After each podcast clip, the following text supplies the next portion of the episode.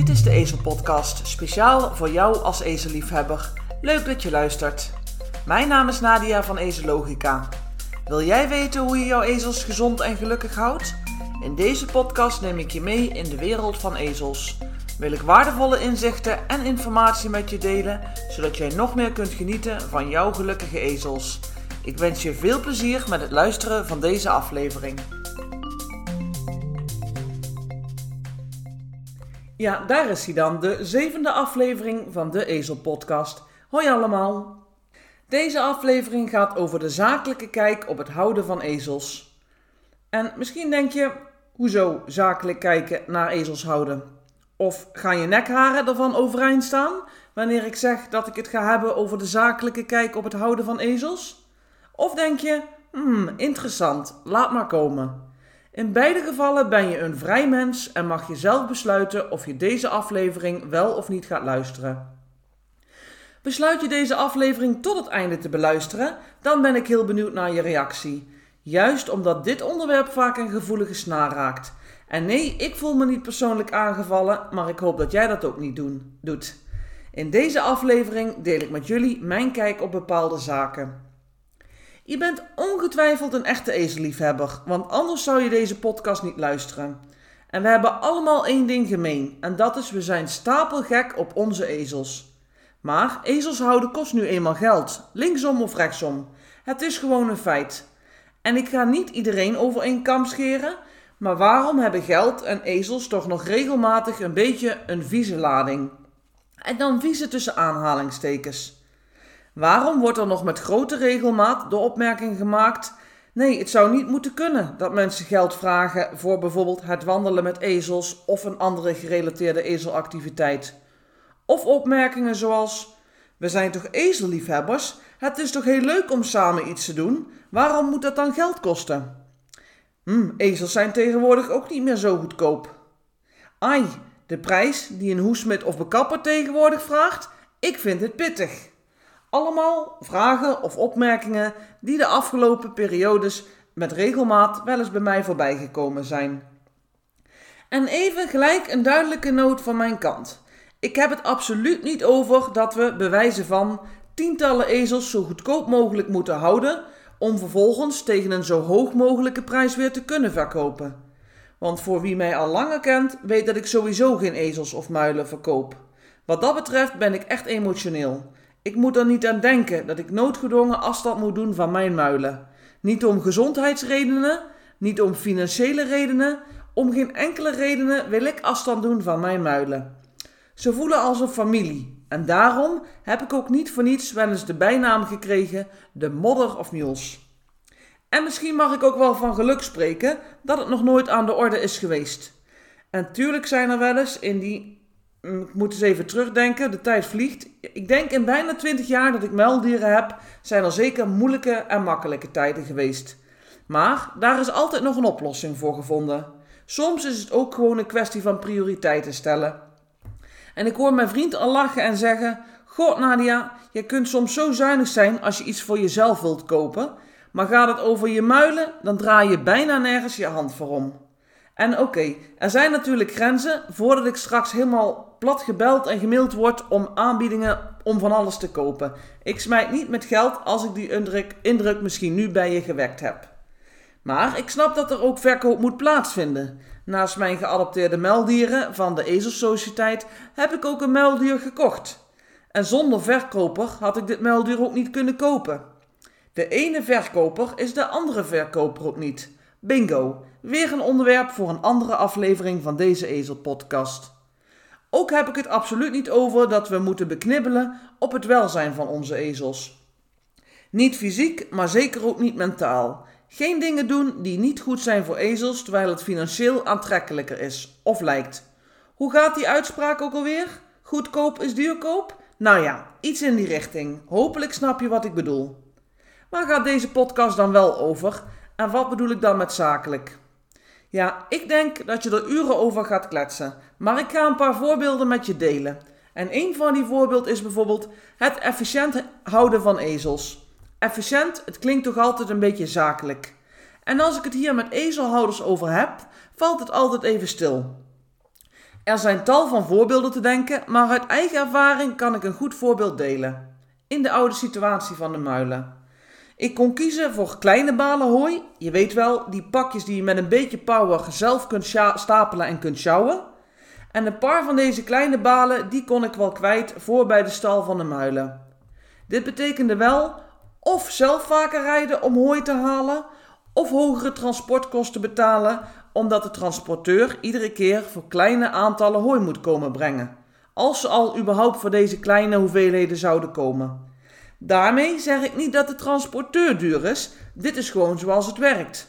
De grootverpakkingen in de supermarkt zijn ook voordeliger dan de, de prijs per stuk. De afvalcontainers in de wijk worden ook per wijk geleegd en niet per huishouden. Zelf vaker rijden om hooi te halen zou betekenen een groter brandstofverbruik en meer tijd kwijt. En laat ik dat laatste nu net vaak tekort hebben. Ik koos voor grote balen en misschien voel je hem wel aankomen, een maag. Maar voor deze grote balen was er alleen plek aan de andere kant van het terrein. Grote balen zijn prijstechnisch interessanter. Als tegenargument van grote balen wordt vaak genoemd dat als je dan een slechte baal hebt, je te veel van die baal weg moet gooien. Op zich zit daar wat in, maar ik ben ervan overtuigd dat bij een goede foragehandel dit risico minimaal zal zijn en misschien zelfs wel te verwaarlozen. De grote balen werden gelost en ik deed vervolgens het losse hooi in een zelfgeknutselde kar met een Big Bag erin. En vertaal Big Bag naar het Nederlands en je weet dat ik het over een grote zak heb. Goed, kar gevuld en vervolgens sjouwde ik met mijn kar over het terrein naar de muilenstal. En ik geloof dat ik met een goed gevulde kar iets meer dan een dag aan hooi voor de muilen had. En eigenlijk moet ik dagelijks, moest, ik, moest ik dagelijks wel op en neer. Ik denk het alles kostte mij ongeveer een kwartier aan tijd. Misschien iets meer, misschien iets minder. Dan moest ik de Big Bag wel zo afsluiten dat het hooi er niet uitwaaide, anders had ik zeker nog wat te harken en ook wat te vegen.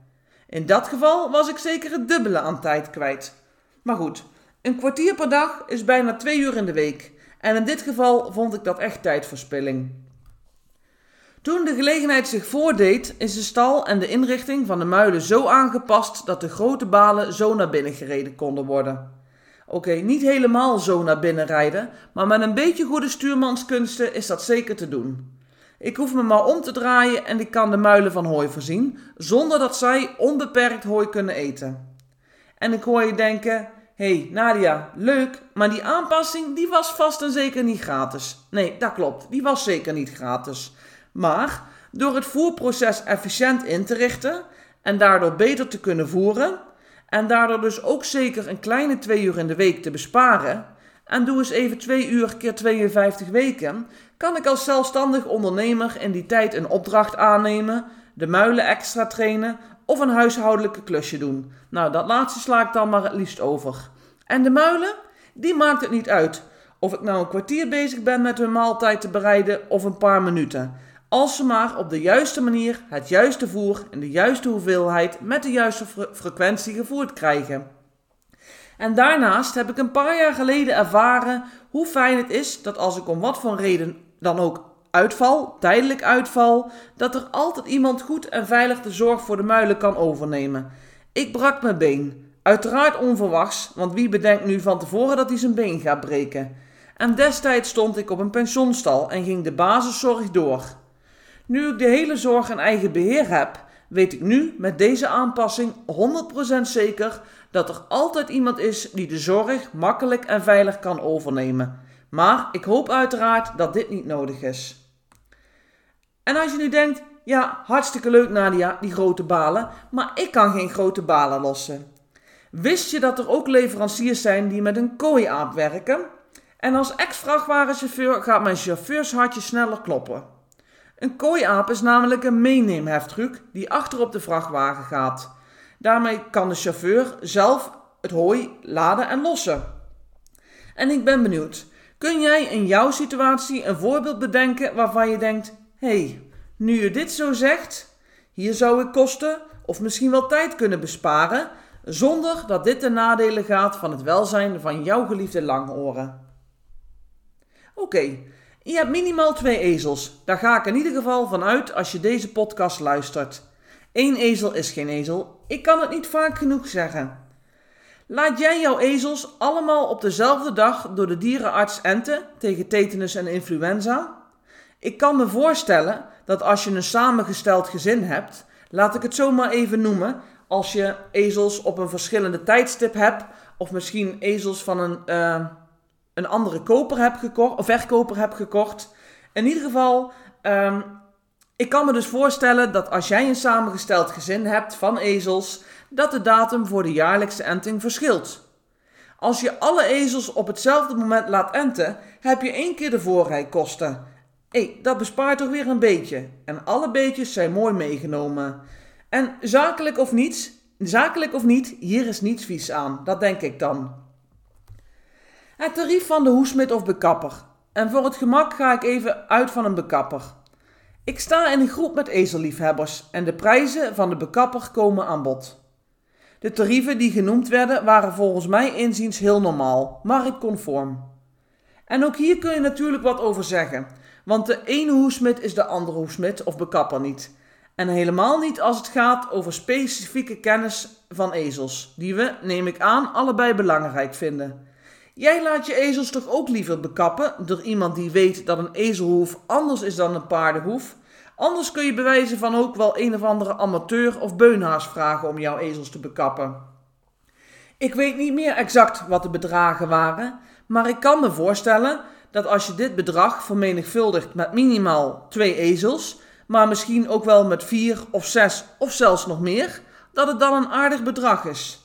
Maar maakt dit daarmee een hoes met duur? Nee, ik vind van niet.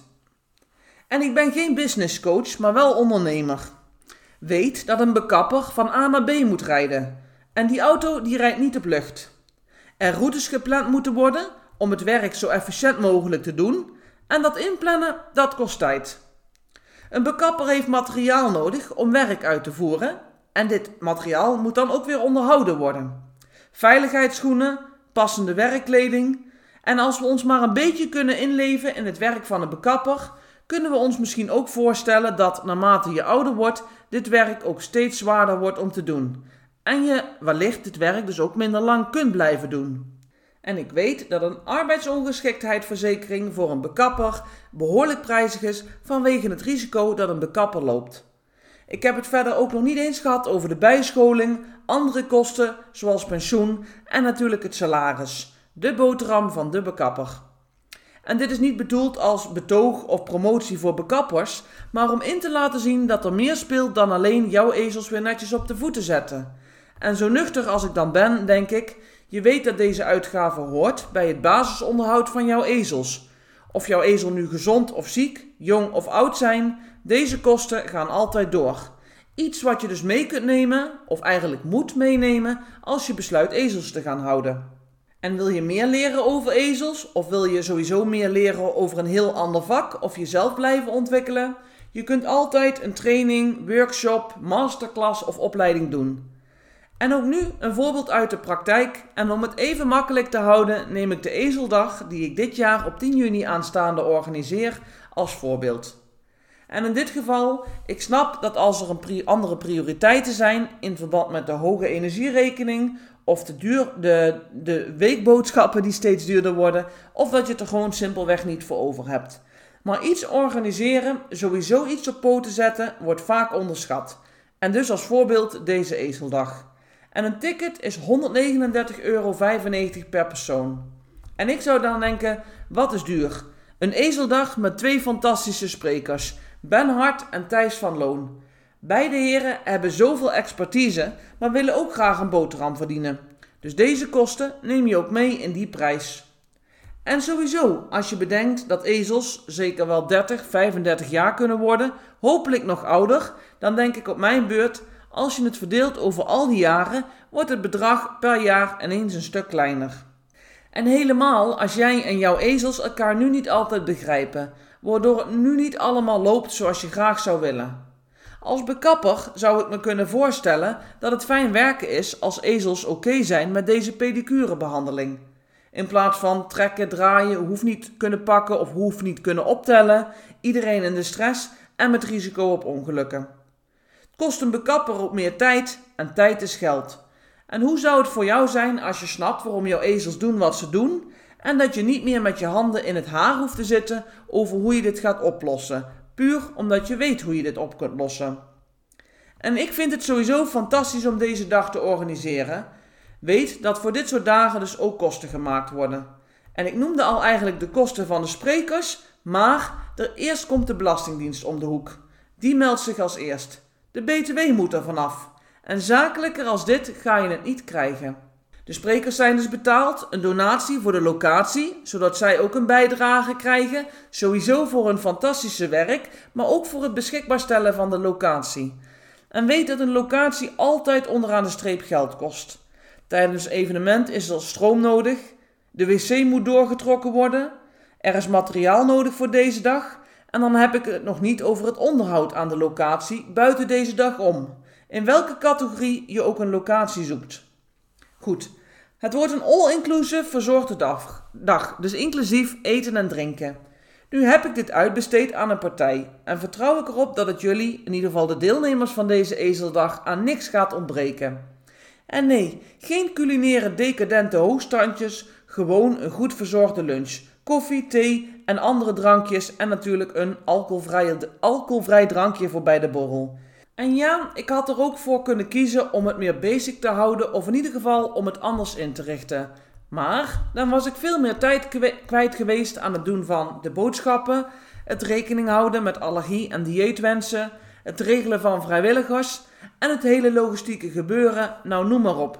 Heel eerlijk, die tijd heb ik ook niet, want dan blijft er ergens anders een betaalde klus liggen. Ditzelfde geldt voor de digitale live-verbinding met Ben in Engeland. Ook dit is extern uitbesteed. En weet je waarom? Niet omdat ik met geld wil smijten, maar A. Omdat je de techniek gewoon niet aan mij over wil laten. Iets met ken jezelf. B. Mensen zien Ben liever live dan digitaal en dat snap ik trouwens best. Maar aangezien Ben niet naar Nederland kan komen, wil ik het digitaal zo goed mogelijk ingeregeld hebben. Zo voelt het eigenlijk net alsof hij gewoon in Nederland is. En C.